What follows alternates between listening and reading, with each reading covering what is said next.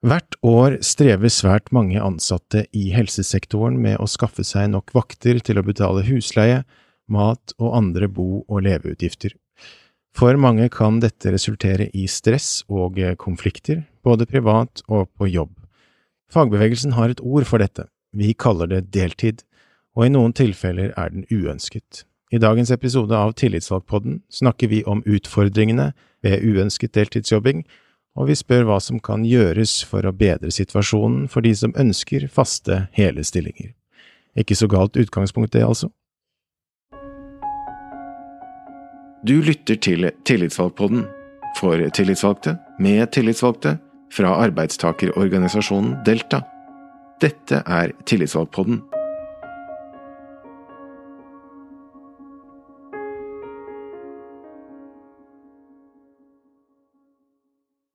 La oss begynne med noen harde fakta om eh, deltid. Ferske tall fra SSB, eller Statistisk sentralbyrå, viser at så mange som 37% av kvinnelige sysselsatte mellom 20 og 66 år jobbet deltid så sent som i 2020, dobbelt så mange som antallet menn i samme aldersgruppe. I tillegg vet vi at så mange som tre av fire deltidsansatte jobber turnus med mye ubekvemstid, og i hvert fall 10% av de som jobber deltid, jobber ufrivillig deltid. Og det er disse vi skal fokusere mest på i denne episoden av eh, Tillitsvalgpodden.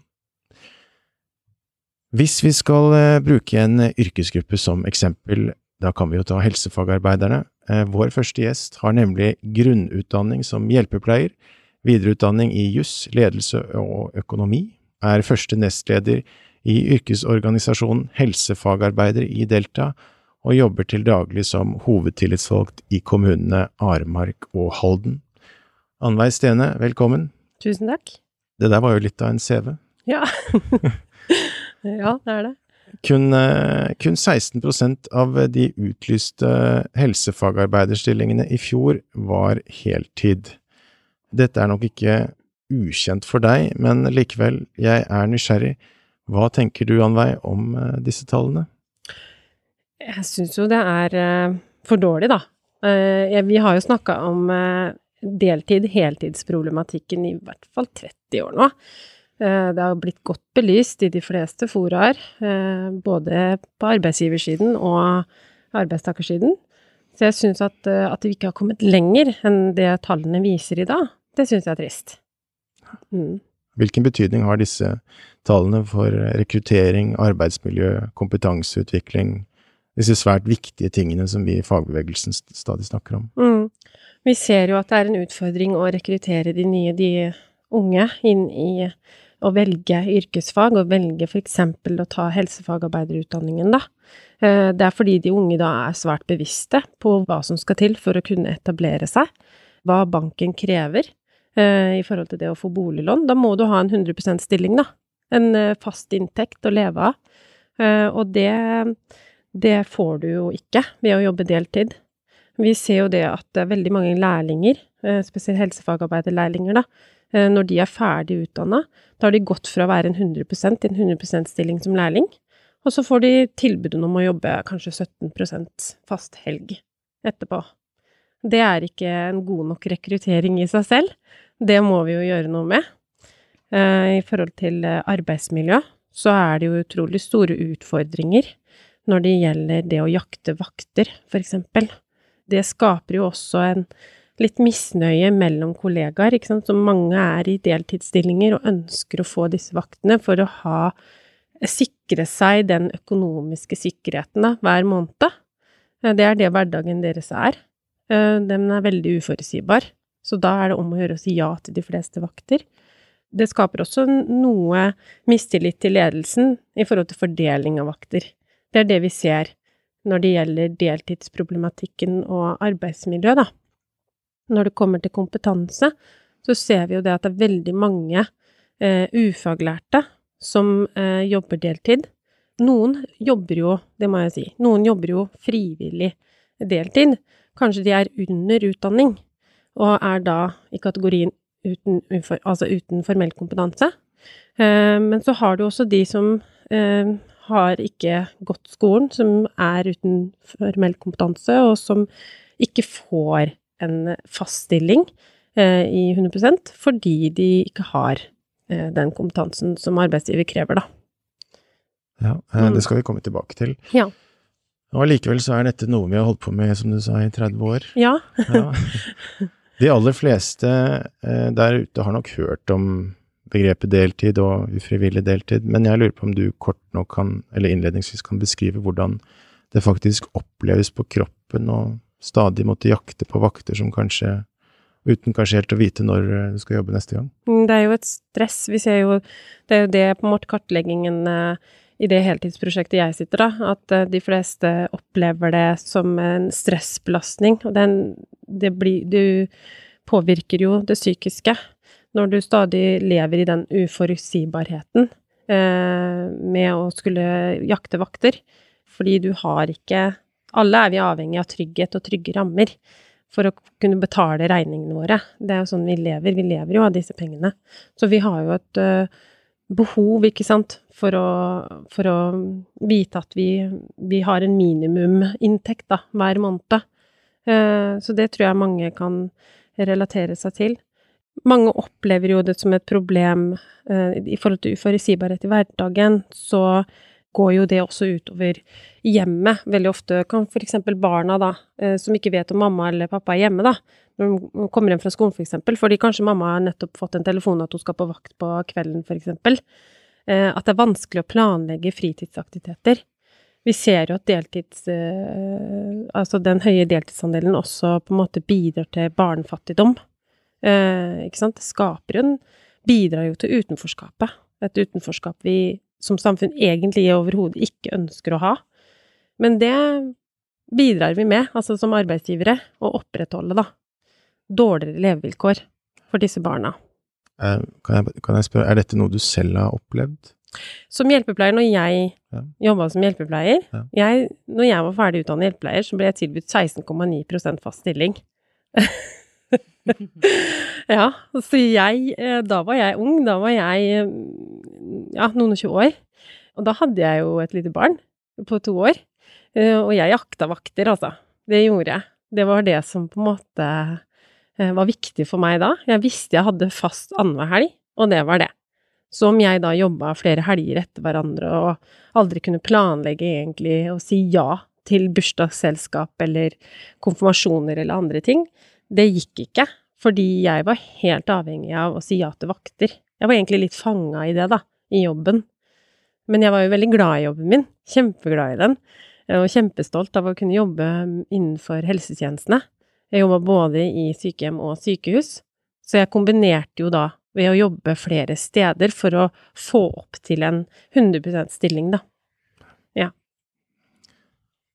Til vår andre gjest, Linn eh, Kjensvold, leder av Deltas advokatseksjon. Takk for at også du er med oss i dag. Velkommen til eh, podden. Takk for at jeg fikk bli med. Eh, I Delta-regi så har du og advokat eh, Katrine Bjoland Øverby reist landet rundt og holdt foredrag om deltidsproblematikken. Du har møtt tillitsvalgte, du har møtt medlemmer som har snakket om sine spesielle behov og utfordringer. Eh, Hva opplever du at folk flest er opptatt av når det gjelder utfordringer knyttet til særlig uønsket eh, deltid? Da vi var på reise, så møtte vi ca. 450 tillitsvalgte fra hele landet, der mange forteller at de må kjempe for medlemmenes rettigheter til hele og faste stillinger. Medlemmene de er gode nok som ekstravakter, eller med de små faste stillingene i bunn, men så må de ha hjelp fra de tillitsvalgte til å argumentere eller vise til rettigheter for å få økt opp stillingene sine.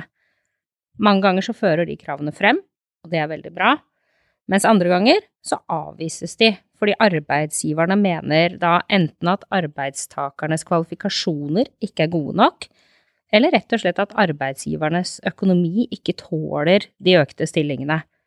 Men for medlemmene så er det uhyre viktig å få økt stillingene for å forbedre livskvaliteten sin. De trenger forutsigbar arbeidstid og høyere inntekt. Eh, Det synet om at noen bare er gode nok som ekstravakter, er dette en praksis ja, eller et syn som noen arbeidsgivere har benyttet seg av lenge, eller er dette, eller er dette noe nytt? Jeg tror ikke det er noe nytt. Det har vel, som Annveig har vært inne på, pågått over lang tid. Og så tror jeg egentlig heller ikke at det er et bevisst utslag av policyen hos arbeidsgiverne, men mer at de styres fra sak til sak, og da blir det sånn. Og da blir det faktisk et problem, selv om arbeidsgiverne kanskje generelt har gode intensjoner. Ja, øh, det høres jo spes veldig spesielt ut for meg, i hvert fall. Når det gjelder arbeidsgivers økonomi, øh, er dette noe som oppleves som mer generelt og gjennomgripende, eller et mer generelt og gjennomgripende problem i kommunene og blant helseforetakene? Det er jo mye knytta til at de har sine sine budsjetter å forholde seg til, og, og hjemler, stillingshjemler, tar jo mye av de budsjettene. Og det å få faste fremtidige hjemler påvirker jo det budsjettet med penger de kanskje opplever at de ikke har. Anveig, eh, som representant for eh, helsefagarbeidere i Delta, hvordan opplever du dette lokalt? Er det, en, er det en stadig kamp for å skaffe medlemmene som ønsker det større stillingsbrøker? Ja, det er det jo. Det er jo det som på en måte eh, dessverre da får et ganske stort fokus, eh, og en stor del av tiden, da. Spesielt da som hovedtillitsvalgt eh, for de i helsetjenestene. Så er det et, en stadig kamp om å få utøka disse stillingene. Jeg vil bare kommentere det du sa i stad om budsjett. Arbeidsgiver tror jo at man har en viss kontroll vi har jo utfordra arbeidsgiver på det. Har dere kontroll i dag? For det viser seg jo det at de har et ganske stort variabellønnsbudsjett, da. Altså, de har for eksempel i Halden kommune, så brukte de i fjor 187 årsverk på variabel lønn. Mm. Og da tenker jeg at man ikke har helt kontroll. Man velger å tro at man har det, at man skal holde seg innenfor en budsjettramme. Uh, man har noen på fast lønn, og så uh, må man holde noen i deltid fordi man skal sørge for at man til enhver tid får dekka opp eventuelt fravær, ferie osv. Så, videre. så man planlegger jo med for lav eh, bemanning, da. Den blir for knapp, rett og slett. Og det genererer igjen at vi opprettholder deltid, og igjen eh, får utløst mye mer variabel, eh, variabellønn enn fastlønn, da. Når det er sagt, så Eh, er det jo medlemmenes interesse å få en fast høy stilling, enten en fast stilling, eller at man får utøka sin helgestilling eller deltidsstilling til en full stilling. Så det er ofte vi opplever at medlemmer legger inn krav, og da er det som regel etter tolvmånedersregelen at man legger inn et krav, da. Da tar man en gjennomsnittsberegning av siste, det man har jobba ekstra ved siden av sin faste stilling de siste tolv månedene. Så legger vi inn et krav for de. Og det er en rettighet man har, etter vernebestemmelsen i arbeidsmiljøloven. Så den, eh, det er en rett man har som arbeidstaker. Det er ikke, som vi sier til arbeidsgiver, det er ikke tilbud man kommer med, men det er en rettighet man har opparbeida seg. Og da må arbeidsgiver løse det på best mulig måte. Mm. Mm. En sak har jo alltid to eller flere sider, eh, sier man. Det kan jo være klokt å se problematikken fra arbeidsgivers ståsted også. Ja. Eh, for arbeidsgiver så handler det jo mye om å opprettholde gode tjenester i helsesektoren, eksempel. Og da er det jo viktig at uh, vaktplanen går opp. Uh, Linn, vi har jo vært innom uh, at i enkelte tilfeller kan være vanskelig å argumentere for høyere stillingsprosent for medlemmer som mangler skriftlig kvalifikasjon eller nødvendige fagbrev, selv om de kanskje har jobbet deltid i tre–fire år for samme arbeidsgiver og har opparbeidet seg kompetanse gjennom arbeidet. Hvordan ser eh, vi var innom arbeidsmiljøloven her. Hvordan ser arbeidsmiljøloven og tariffavtalene på denne typen problematikk? Det som er så fint med loven, den er at den sier ikke bare noe om hvilke rettigheter arbeidstakerne har, men også noe om hvordan arbeidstakeren skal gå frem for å få rett når man har rett. Og tariffavtalene de bygger videre på det.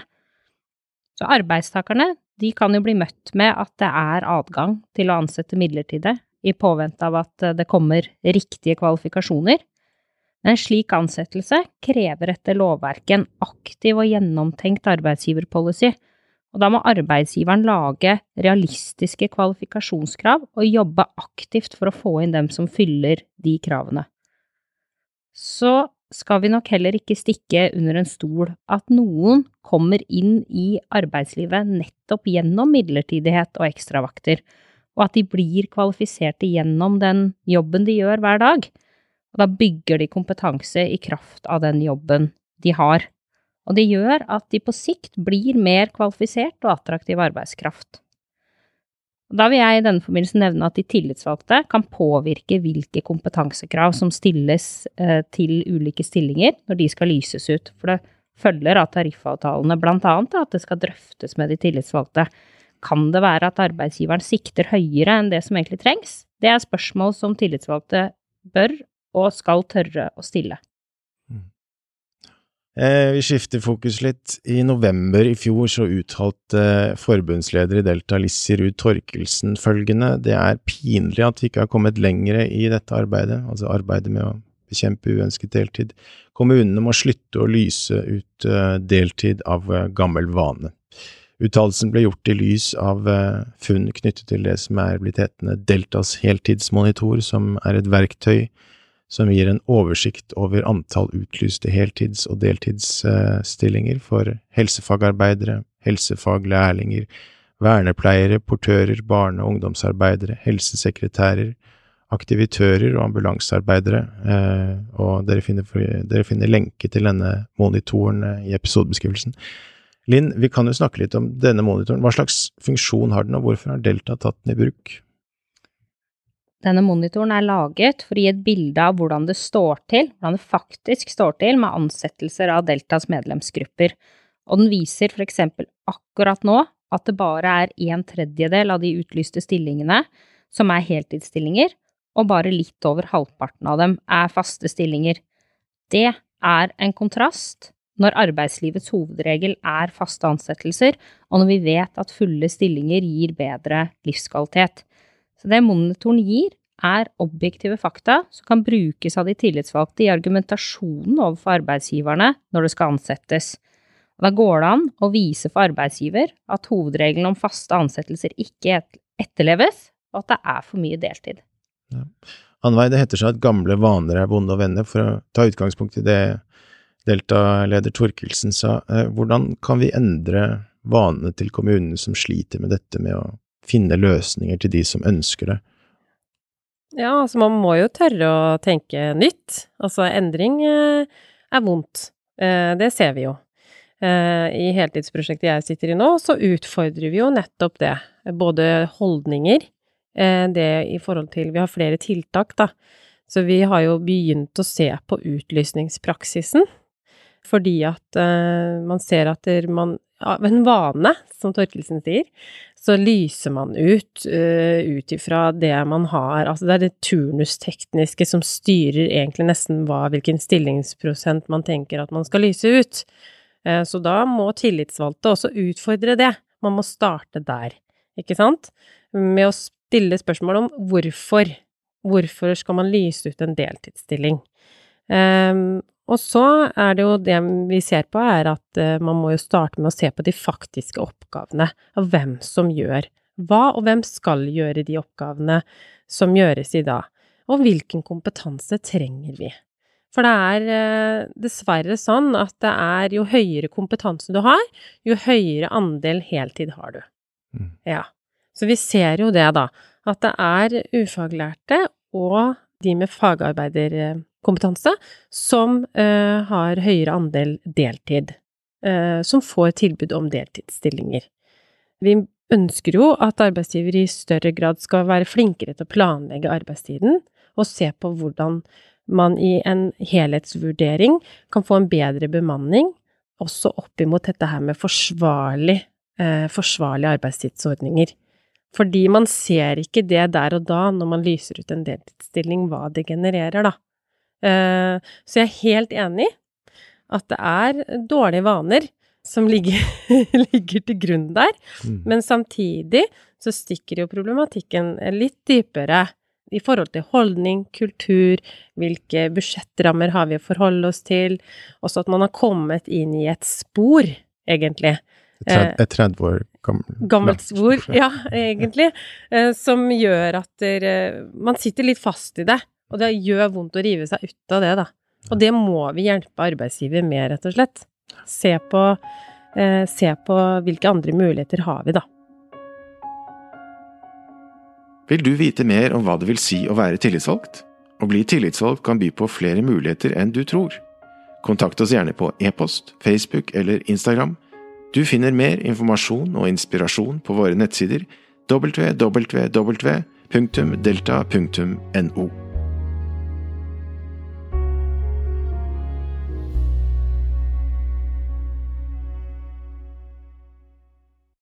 Du har jo 235 medlemmer i Halden kommune og Aremark kommune. Mhm. Eh, Halden kommune har nettopp fått sin egen lokale heltidserklæring, i år faktisk. Ja.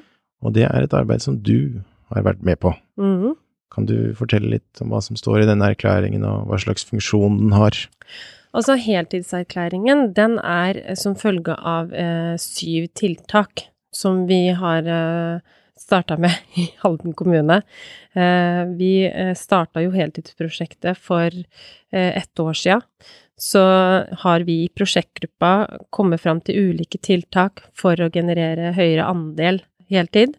Vi har ambisjoner om å øke med 5% høyere andel heltid per år. Det er ganske høyt ambisjonsnivå, og det syns jeg vi skal ha. Det har vært vanskelig for prosjektgruppa å gå ut og jobbe under pandemien. Det er både covid-regler og restriksjoner har gjort at ikke vi har kunnet eh, gått ut og jobba med ansatte og ledere der ute. Eh, Men vi har i heltidserklæringen fått med en, altså den forankrer jo både den politiske ledelse, administrasjon og tillitsvalgte til å forplikte seg til det som står i avtalen. Blant annet så ønsker man jo da at man skal drøfte eh, med tillitsvalgte dersom det er et behov for å lyse ut en deltidsstilling.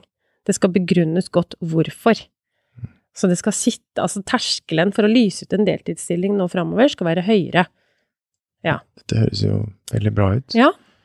Vet du, er Halden alene om dette i Kommune-Norge, eller kjenner du til flere eksempler der ute som uh, nei, det er to andre kommuner, men nå husker ikke jeg navnene på dem. Om det er eh, Alstahaug, eller hva det heter for noe. eh, Jeg lurer på det. Ja. Ja, det er to kommuner, i hvert fall, som jeg vet om, som eh, har eh, heltids, lokale heltidserklæringer. Jeg tenker at det er viktig, da. At ikke det bare er fine ord på et dokument. Så det er tre kommuner i Norge som, Ja, som som har lokal, som har lokal heltidserklæring. Ja, Så vi har en del å gå på, med andre ord, Ja. kan det virke som. Mhm. Jeg tenker det. Ja. Linn, eh, noe videre omkring arbeidsmiljøloven og tariffavtalene, som jo er viktige verktøy i denne sammenhengen, og som alle, eh, som alle er nødt til å forholde seg til, enten man snakker om kommunene eller helseforetakene.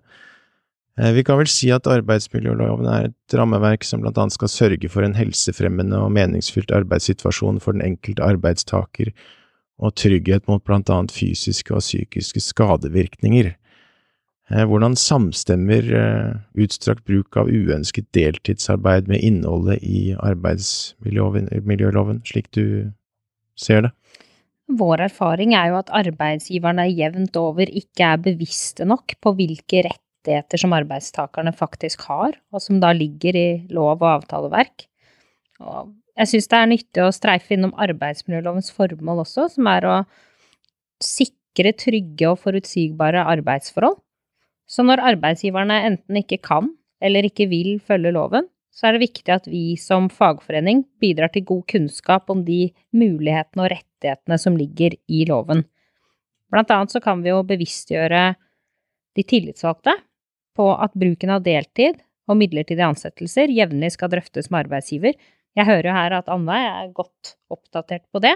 Grunnen til at det ligger i loven, er jo for at bruken av slike ansettelser skal minimeres. Arbeidsmiljølovens mål er at vi skal ha minst mulig av slikt. Vi sneit i begynnelsen innom hvilke konsekvenser uønsket deltid eh, kan ha for den enkelte arbeidstaker, eh, men også for rekruttering til yrkesgruppen. I en studie som Universitetet i Oslo viser til fra 2021, Cross-Sectional Study of eh, Sustainable Employment in Nordic Elder Care, så rapporterer deltidsarbeidende, som vi også har vært innom, eh, eh, deltidsarbeidende helsefagarbeidere, høye nivå av jobb-hjem-konflikter og økonomiske bekymringer. Linn, er dette noe det er blitt snakket om på de møtene du har deltatt på? Da vi var på reise, så, så snakka vi jo med flere tillitsvalgte om aktuelle saker som, der du har eh, problemer knytta til balansen mellom jobb og privatliv. Og det dukka annet opp en sak som kom inn til oss, eh, der medlemmet han hadde en deltidsstilling i bånn, og så strakk han seg veldig langt for å ta ekstravakter rundt omkring. Han jobbet da i et stort helseforetak, og så tok han vakter som lå over to timer med kjøring hjemmefra. Det hadde han gjort over lang tid, og så fikk han en nyfødt, og da ble livssituasjonen ganske krevende for ham og familien. Men han hadde jo ikke noe valg, for han trengte de vaktene uavhengig av hvor i helseforetaket eh, den var geografisk plassert, da. Mm. Og så hadde han egentlig en fortrinnsrett, fordi han hadde jobba ufrivillig deltid, og da ligger det lovbestemmelser på det, ikke sant? Mm. Eh, men arbeidsgiveren, de glemte fortrinnsretten hans, og så ansatte de en annen.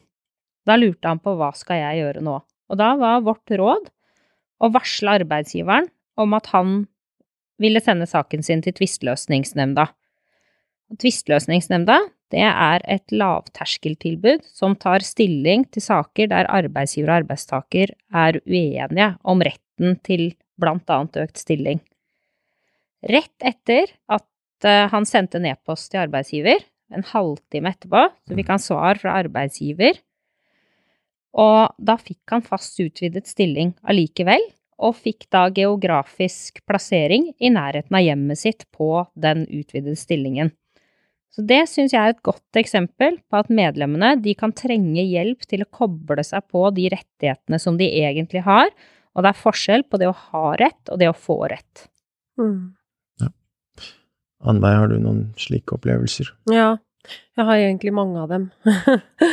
Eh, men jeg kom til å tenke på en eh, helsefagarbeider eh, som ja, hadde vært under utdanning, selvfølgelig, hatt lærlingtida si, og så jobba Hatt fast helgjobb.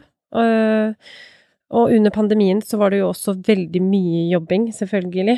På grunn av alle disse restriksjonene vi fikk, så var det jo veldig mange i karantene.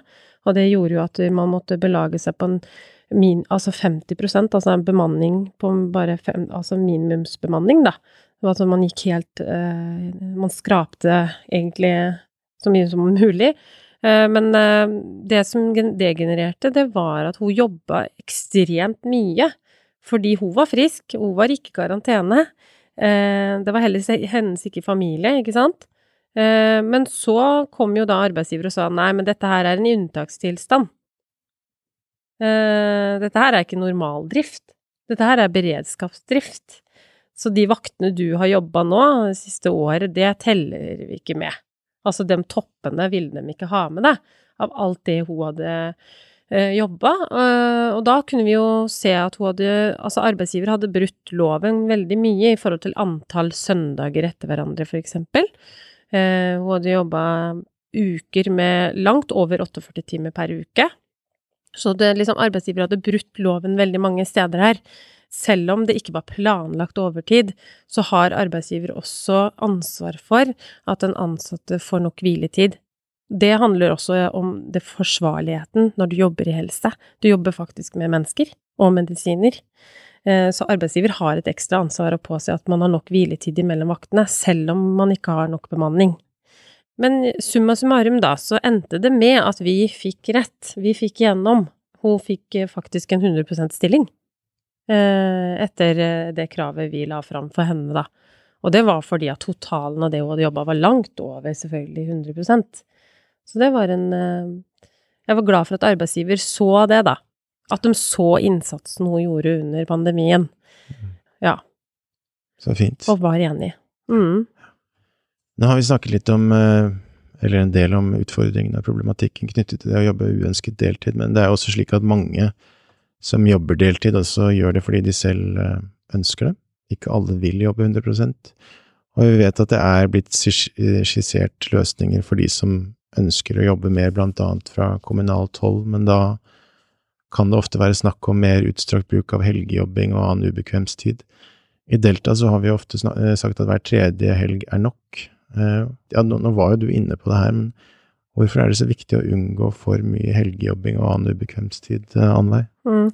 Ja, det var jo som jeg sa i stad, for mange søndager etter hverandre Jeg gir jo ikke loven eh, oss lov til å jobbe heller. Men samtidig så handler det jo om den forsvarligheten, og det å jobbe helg er tøffere. Det er mindre bemanning, og det er eh, kanskje flere vikarer. For det er mindre kontinuitet i helga enn det er i ukedagene. Sånn, det er fakta, da. Sånn virkeligheten er der ute nå. Eh, og samfunnet for øvrig, da. Eh, skolene og barnehagene er stengt. Eh, så hvis du er aleneforsørger og skal jobbe annenhver helg, så vet du det at annenhver helg, eh, det er det jeg kan klare å skaffe barnevakt, da. Så da er det jo fint å slippe å skulle jobbe hver eneste helg, eh, sånn som vi ser det. Men vi er også veldig opptatt av at det skal være gode helsefremmede turnuser. For det, det å jobbe i helse, det å jobbe helg, det er en belastning. Både fysisk og psykisk. Eh, fordi du er eh, på jobb når alle andre Eller alle andre har fri. Det er mange andre yrker også som jobber helg, men det er vel familien din, da. Dine venner og dine barn. Altså, de, de har fri, og så er du på jobben. Så det er det å se verdien i fritiden også, og verne om fritiden. Å ha det skillet mellom arbeidstid og fritid. Og så det å ha gode helsefremmende turnuser. Jeg kan ikke få sagt det nok, egentlig. Jeg er veldig opptatt av det. At de skal være gode. De skal ikke bare være lovlige. Mm. For det hører vi ofte arbeidsgiver si, ja, men turnusen er jo lovlig. Ja, men den skal være Den skal god og helsefremmende, fordi det er faktisk en arbeidstaker som skal stå i yrket i 40 år, og jeg mener det at en sykepleier, en vernepleier og en hjelpepleier, helsefagarbeider, har eh, like mulig rett og mulighet, altså rett til å jobbe 40 år på samme sted, hvis man vil det. Så heltid det dreier seg ikke bare om å jobbe 100% men Nei. om å også jobbe Ja. eh, godt. Ja. Ja. Mm. Du skal jo egentlig ha det eh, Ifølge loven, arbeidsmiljøloven, så skal du faktisk ha det bedre eh, på fri... Altså, du skal ha det bedre etter at du har vært på jobb. det er det loven sier oss, da. Ja. Sånn kort fortalt. Dette Hvis du er kjenner- enig i det? Arbeidsgiver har i hvert fall ansvaret for at du har det bra når du er på jobb. Mm. Og har du det bra når du har, er på jobb, så har du det som regel bra etterpå også. Mm. Ja. Men det er jo det jeg mener, at du skal jo få brukt kompetansen din, du skal få muligheten til å utvikle deg, du skal ha et godt arbeidsmiljø, du skal være glad og positiv. Det er jo så veldig mange ting, da, som står i arbeidsmiljølovens bestemmelser i forhold til det med bruken av kompetanse og utvikling, som jeg tenker er at eh, hvis du får gjort det når du er på jobb, så har du det supert eh, når du går fra jobb. Ja. Ja. Mhm. Eh, vi nærmer oss slutten eh, på episoden. Eh, før vi avslutter, så kan jeg jo spørre om dere har noe mer på hjertet, om det er noe, om det er noe vi ikke har snakket om som vi burde ha snakket om, eh, og kanskje Altså, vi kan jo si at vi er nok langt eh, ifra mål med deltidsproblematikken, men når det gjelder de som jakter på en mer forutsigbar arbeidshverdag, hva, hva bør de gjøre? Kan vi avslutte med noen gode tips og råd? Kan jeg begynne med deg, Linn? Da er jo fordelen med å være medlem i Delta at du har noen i ryggen som kjenner regelverket og hvilke verktøy som fins. Og Mm. rådet mitt er å bruke de verktøyene. Og snakk med Delta. Da vil du få mer kunnskap om hvilke rettigheter du har, og hva du bør gjøre. Og et annet råd som jeg vil gi, det er å ta ansvar for egen kompetanseutvikling og gripe de mulighetene som livet byr på. Ja, det høres bra ut. Gripe Mhm. mulighetene som livet byr på. Eh, Annveig? Eh, Jeg vil jo også snakke litt arbeidsgiver, ikke bare eh, til medlemmer, men eh, jeg tenker det at man skal må se effekten av eh, tiltaka, så må man måle gevinsten annerledes. Altså, jeg ønsker at arbeidsgiver skal tørre å tenke annerledes, ikke satse bare halvhjerta eh, på heltid. Eh, men at man, skal man se effekten av tiltakene, så må man måle eh, gevinsten annerledes enn slik man gjør det i dag. I dag så ser man det i tall, altså i budsjett, men man må se gevinsten et annet sted. Det er det jeg tenker. Og så støtter jeg fullt ut det Linn sier i forhold til å ta kontakt med Delta. Meld deg inn i Delta. Godt råd. Mm. Eh, Da tror jeg vi setter en strek for dagens episode her. Jeg håper at du der ute har lært noe om eh, deltidsarbeid og utfordringene det innebærer for veldig, veldig mange. Det har i hvert fall jeg gjort. Eh, takk til hovedtillitsvalgt Annveig Stene og advokat i Delta Linn Kjensvold. Takk til Per Tandberg som står for opptak og teknikken. Vi høres forhåpentlig om ikke så altfor lenge. Mitt navn er eh, Martin Müller. Takk for følget. Takk for eh, i dag. Takk for at du lyttet til eh, Tillitsvalgpodden. Om du vil vite mer om Delta, så kan du besøke www.delta.no, eller finne oss på sosiale medier. Du finner lenkene i episodebeskrivelsen. Vi høres.